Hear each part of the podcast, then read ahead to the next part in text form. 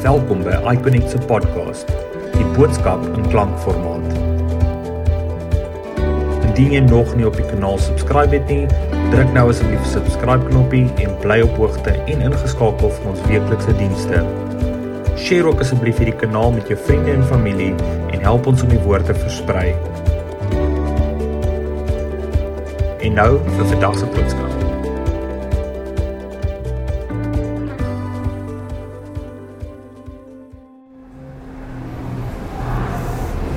Hallo julle en welkom by die diens. Ek is regtig opgewonde dat dat jy vanaand 'n bietjie tyd gemaak het om om saam met God te spandeer en saam met jou gesin te spandeer en 'n bietjie saam met ons te spandeer um, en saam in die woord 'n bietjie bietjie rond te krap en uh, ek is besonder opgewonde oor vanaand se se boodskap. Ehm um, dis 'n boodskap wat ek eh, 'n paar jaar terug ehm um, self ontdek het en met 'n paar mense al gedeel het en ek ek raak elke keer toe ek na die dag weer my notas deurgaan toe toe raak ek net weer opgewonde om net te verstaan hoe almagtig en hoe awesome God is. En um, ek um, ek gaan vanaand 'n bietjie gesels oor 'n uh, kom ons noem dit 'n toer deur deur 'n tent. Um en die tent wat ons spesifiek na verwys is die tabernakel uh, wat genoem word in Exodus. Um en dit nou net nadat die Israeliete um uit Egipte gelei is. Um ek so die woord tabernakel um het eintlik 'n is is baie interessant. So die Hebreëus vir dit is Mishkan en Mishkan beteken residence of dwelling place. En in Latyns is dit 'n tabernaculum wat beteken tent. So, ehm um, 'n tent is nog altyd vir my 'n tydelike woning gewees. Ehm um, iets wat ons gebruik is op ons op vakansie gaan, weg van ons huis af, wat ons vinnig opslaan, 'n paar dae kamp, 2 weke kamp, maar dis altyd 'n tydelike dwelling. Dit is nooit regtig 'n permanente dwelling nie. Ehm um, en dus is die die konsep van 'n tent ehm um, baie interessant waar dit in hierdie konteks gebruik word en en ek gaan terugkom na dit aan die einde van hierdie sodat julle kan verstaan ehm um, wat wat ek nou probeer sê het met dit. So ek ek raak sommer ek raak hyper opgewonde daarvoor. So ehm um, ek wil graag hê vanaand se skrifvers wil ons gou-gou kyk na Eksodus 25 vanaf vers 8 tot 9. So as jy 'n woord by jou het, blaai saam met my, kom ons loer gou-gou daarna. Ek gaan hom ook vir jou op die skerm opsit. En hierdie hierdie skrifvers gaan vir my baie oor oor God se intensie, wat wat hy intended um met met hierdie gedeelte en um God sê vir Moses, hulle moet vir my 'n heiligdom oprig dat ek tussen hulle kan woon. Die tabernakel en al sy toebehore moet gemaak word presies volgens die plan wat ek jou gewys het. En dit is weer eens in ons ons ons gesels so baie oor oor hoe God dinge vir ons uitwys en hoe hy vir ons die tools gee en hoe hy vir ons sê jy weet doen dit en en dit sal gebeur. En en hierdie is een van die mees awesomeste stories waar God so spesifiek is oor elke liewe dingetjie en in sy beplanning oor oor dit wat hy wil soek. En hy en hy deel dit toe met Moses.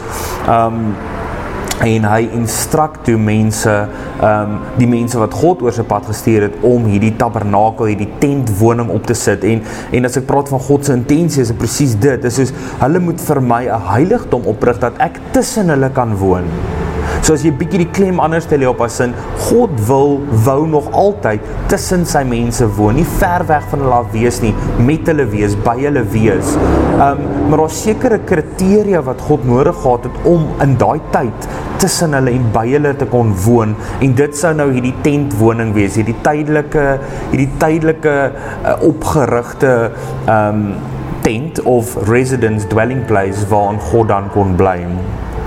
En dit is vir my interessant as ek as ek daai hele stuk weet Exodus lees en jy kan gaan lees ek sal ek sit dit vir julle op op die skerm maar half as jy die overview van van die hele Exodus kyk um, vanaf Exodus 19 uh, op die Mount Sinai die die die 10 gebooie wat in Exodus 20 gebeur het um, die covenant wat geconfirm is Exodus 24 um, en dan gaan dit aan hier van Exodus 25 af the ark die die um die the the table the lampstand the tabernacle the altar of burnt offering, the courtyard, the oil for the lampstand, the priestly garments, the ephod, the breastpiece. Um God het baie spesifieke instruksies en daar's letterlik stukke skrif gededicate aan hoe God sekere dinge gedoen wil hê en gemaak wil hê. So, um die die spesifieke instruksies en en hoe ver dit gaan God gee gee mates deur van presies hoe wyd, hoe lank, hoe hoog elke liewe ding moet wees. Um en hy gebruik die measurement en in Engels word dit genoem 'n cubit en 'n cubit is 45 uh, 0.72 cm dit wil gaan uitwerk wat dit is. So en daar's mense en ek sal nou net met julle deel wat actually lifelike replikas gaan omdat daar instruksies so spesifiek was kon ons dit actually gaan replicate. So goed, daar's 'n groep mense gewees wat actually hierdie tabernakel gereplicate het. Um so in Exodus 25 tot 30 um lees ons van al die al die, al die meubelmente wat God in hierdie tabernakel wil gehou. Die brandofferaltaar, die reukaltaar, die tafel van toonbrode. Um elke ding, die goue kandelaar, elke ding het baie spesifieke instruksies, mates. Hoe moet dit lyk? Hoe moet dit gedek word? Waarvan dit gemaak moet word? So um die materiale lees ons uh, in uh, in Exodus 25 vers 3 tot 7 en en 'n hele paar ander plekke presies akasia hout dek dit met brons dek dit met goud ek soek soveel goue ringe so ver uitmekaar uit op hierdie gordyn gesit dit is dis net insane die level van van detail wat God hierdie um deel en en wou gebou gehad het mee. So vanaf mates die die spesifieke meubelmente, ewen die die priesters se klere wat hulle aangetree het, watter kleur dit moet wees, um die klokkies wat op met moet hang, um die, die ja, dis dit is dis insane. Ek ek raak ek ek het nie eens woorde hier voorneem. In elk geval, um, iets wat ook vir my baie interessant is, is, is selfs die patrone wat op hierdie garments of, of kledingstukke moet wees, die, die patrone wat op die gordyne moet wees waarvan die tentwoning gemaakt is. Um, en die mees interessantste gedeelte vir my is, en ons, ons gesels altyd oor, um, oor hoe God baie, baie specifiek um, vir jou die tools gee, die die die goed wat jy nodig het om dit te maak. En in spesifiek lees ek in Eksodus 31 um, vers 1 tot 11 sê God dat dat hy spesifieke mense gebless het met spesifieke skills om na die tafel te kom. En en dit is my so ironies dat ons ons het net laasweek gepraat oor die liggaam en elke liggaam het 'n funksie. En en hier het hierdie werkers baie spesifiek genoem ook um, word hulle gebless met baie spesifieke funksies um, en skills om dit te kan verrig. Mense wat met goud kan werk en yster kan werk, mense wat met materiaal kan werk, mense wat uh, embroidery kan doen. Um en en dit is die detail wat God hierdie woning in wou gehad het. So, met dit gesê, wil ek jou vandag op 'n toer vat deur hierdie tent en ek wil net vir jou wys hoe dit daai tyd gelyk het en ek het baie interessante uh footage wat ek vir julle graag wil wys van mense wat hierdie soos ek net genoem het die replika gebou het. Um en ek wil graag dit vir julle wys om of om net half 'n prentjie te skep van hoe dinge in daai tyd gewerk het. Um so kom kom kom toer saam met my.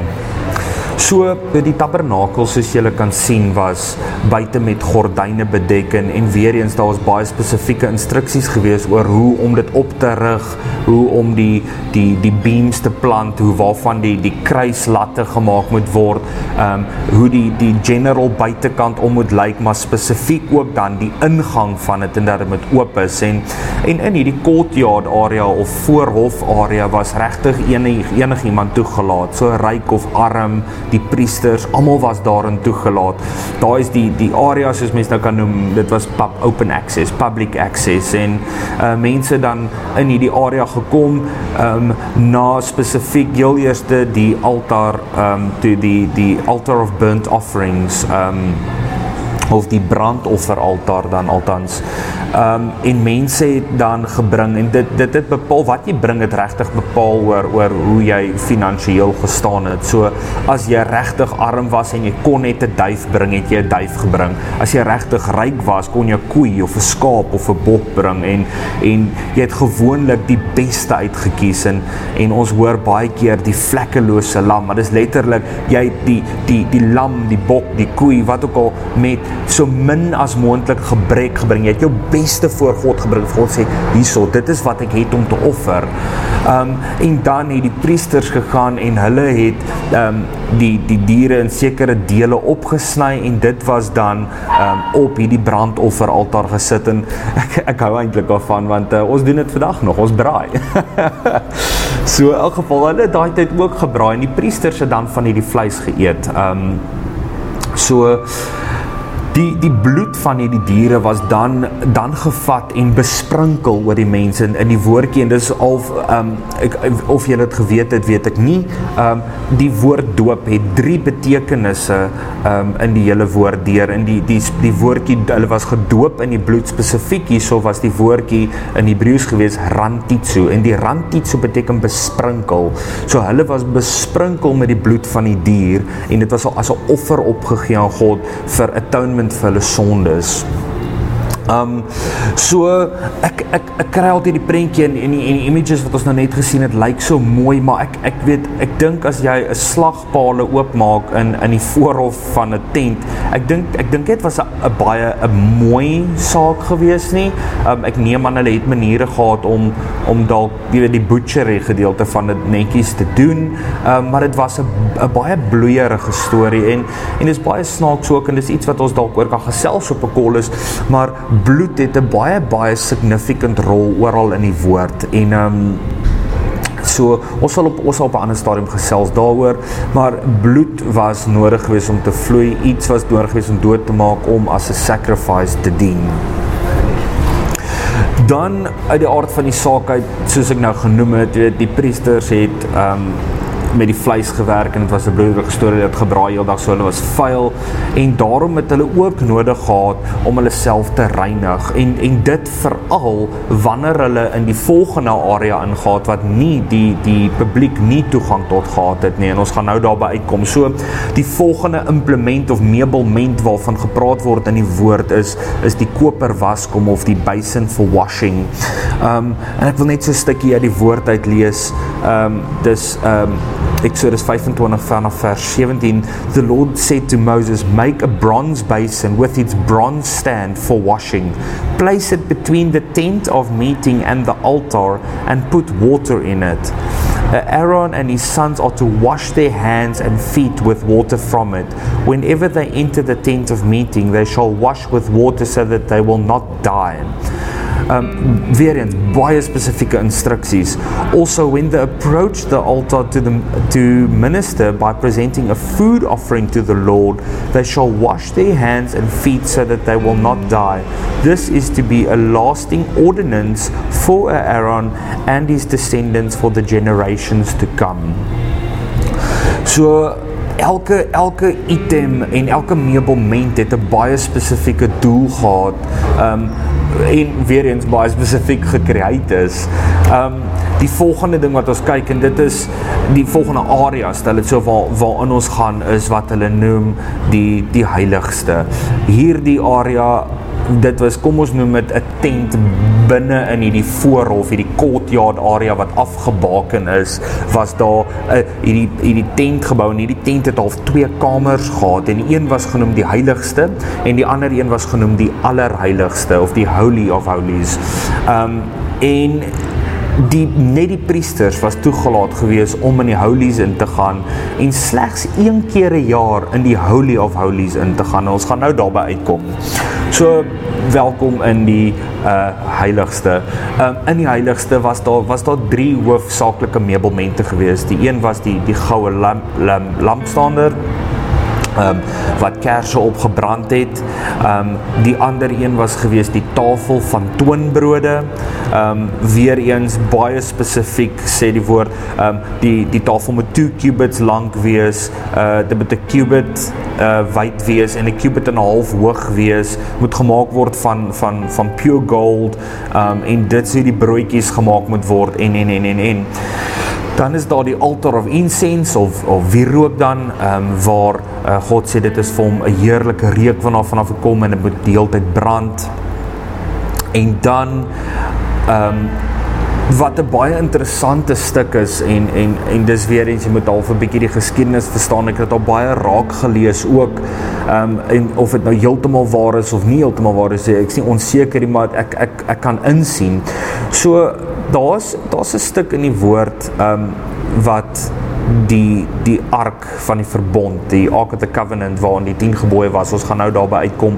Um vervoer was en op 'n stadium is ek uh, ons lees dit in 2 Samuel, um is die struikel die osse bietjie in die in die kaart gaan deur 'n dip half en die ark val af. En daar's 'n arme man wat sien hoe dit gebeur en hy probeer dit stop en hy keer dit.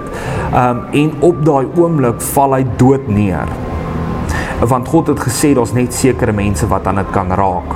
Ehm um, en dieselfde dieselfde apply tot die die heiligste en die allerheiligste is net sekere mense onder sekere kondisies was toegelaat om in hierdie areas in te gaan.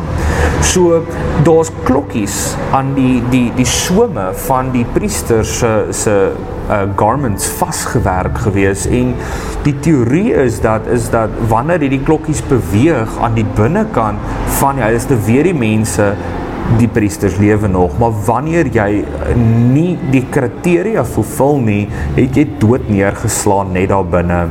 Um, en dan uit die aard van die saak uit dan hou die klokkies op met lei so en dieselfde geld vir die allerheiligste. Ehm um, so welkom in die allerheiligste. Ehm um, soos ek sê dis die dis half die tweede kamer binne in die tent gewees wat wat binne in hierdie afgebakende area is en daarin was die Ark of the Covenant met hierdie twee engele wat bo-op ehm um, die die kus is ehm um, uit spesifieke uh, rods wat ge, um, gemaak is om hierdie kus te dra soos wat die Israeliete trek deur die woestyn en ehm um, die 10 gebooie wat op die kliptablette gegee is is binne in hierdie gestoor.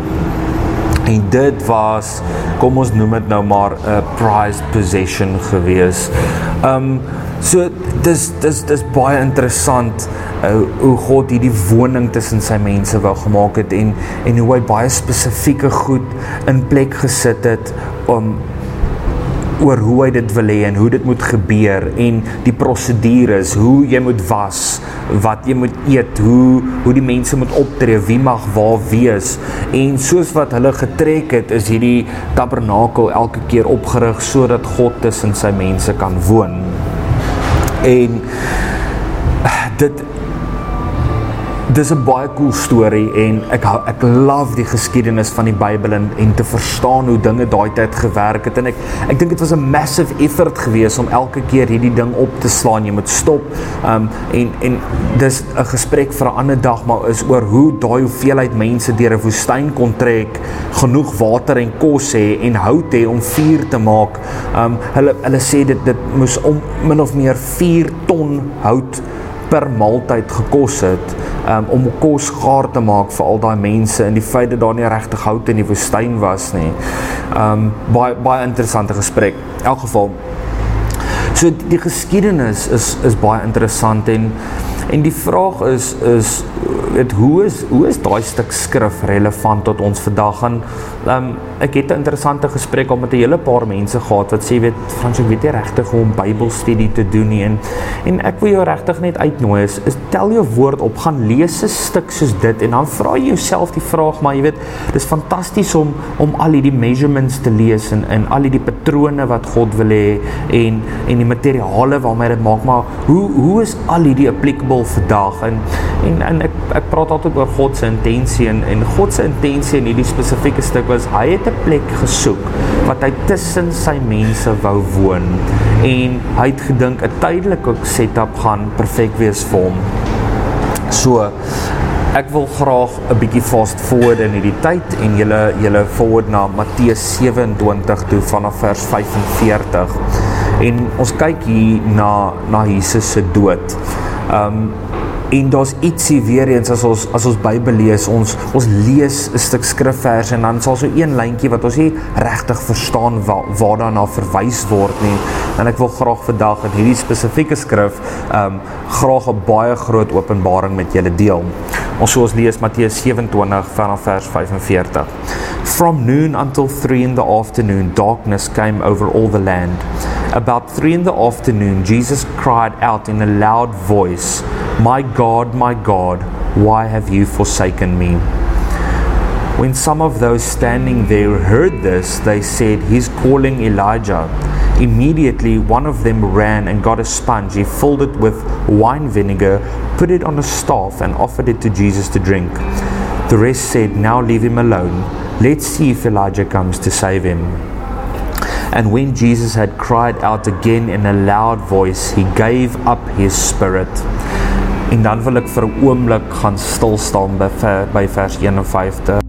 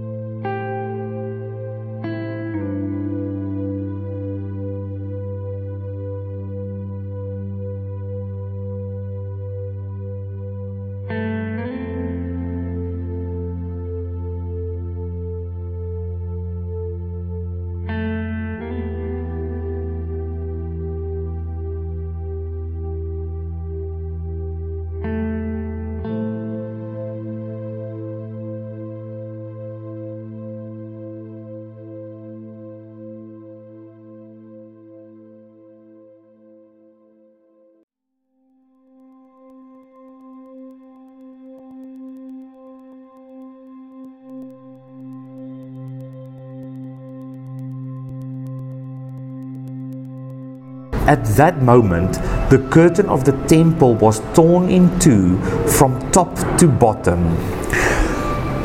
Ons het net nog gesels oor hierdie twee vertrekke binne in hierdie tent en die vertrekke was verdeel met wat hulle noem 'n veil of 'n of 'n gordyn, 'n curtain. Um en dis wanneer jy deur dit gegaan het wat jy in die allerheiligste afgekom het En en dan lees ons hierdie skrifvers van die die curtain en ons verstaan nie regtig waar dit in hierdie prentjie pas nie. Maar as ons die stuk in Exodus gaan lees, dan verstaan ons presies waarvan af dit afkom. En die fantastiese ding en en dit is waar vir my die die boodskap net vir my absoluut absoluut shocking is is God gaan en as jy as jy mooi lees the curtain of the temple was torn in two from top to bottom. Dis half asof God vanaf die hemel van bo af na onder toe die gordyn geskeur het want as jy voor jou gordyn gaan staan in jou huis vandag jy gaan nie heel bo begin nie want dit is relatief hoog. Jy gaan hom van onder af begin skeer. Maar God wys sy autoriteit en hy skeer die skeiding wat die mens van die allerheiligste af um split of of weerhou. Sê God ek skeer nou met met Jesus se kruisdood. Skeer ek hierdie gordyn. Ek skeer hom van bo na onder dat daar daar geen meer split tussen my en my mense is nie want ek wil by hulle woon. Ek wil in hulle woon. En en dit is dit is dis crazy. Ek ek kry skoon hoendervleis. Um En met dit gesê, nou nou maak die hele woord perspektief. Hoe hoe is dit dat hierdie groot God daai tyd gesê het, jy weet, raak aan hierdie verbondsark en jy slat neer. Ehm um, kom voor my aangesig en en nie onder regte kondisies nie want net die priesters kom en jy slat neer. God wou sy intensie was om 'n persoonlike verhouding met jou en met my te hê. En hy wil in jou woon en hy moes 'n manier gekreë het dat hy in my en jou kon woon. En die enigste manier wat dit kon gebeur gebeur het is is dat daai sondige gedeelte van jou en my wat ons van God af weerhou moes weggeneem word. En Jesus wat baie verwys word na as die vlekkelose lam. So die absolute perfekte offer. Se bloed was gestort vir my en vir jou op 'n kruis sodat daai skeiding tussen ons en God weggeneem kan word. Dat dit wat jou weerhou sonde van God af absoluut net uit die pad uit is. Um en dis hoekom ek ou van die skrif wat sê that he, he is the way, the truth, and the life. No one comes to the Father except through me. Met dit gesê wil ek vir julle die volgende paar skrifversies lees net om om verdere konteks op dit te gee.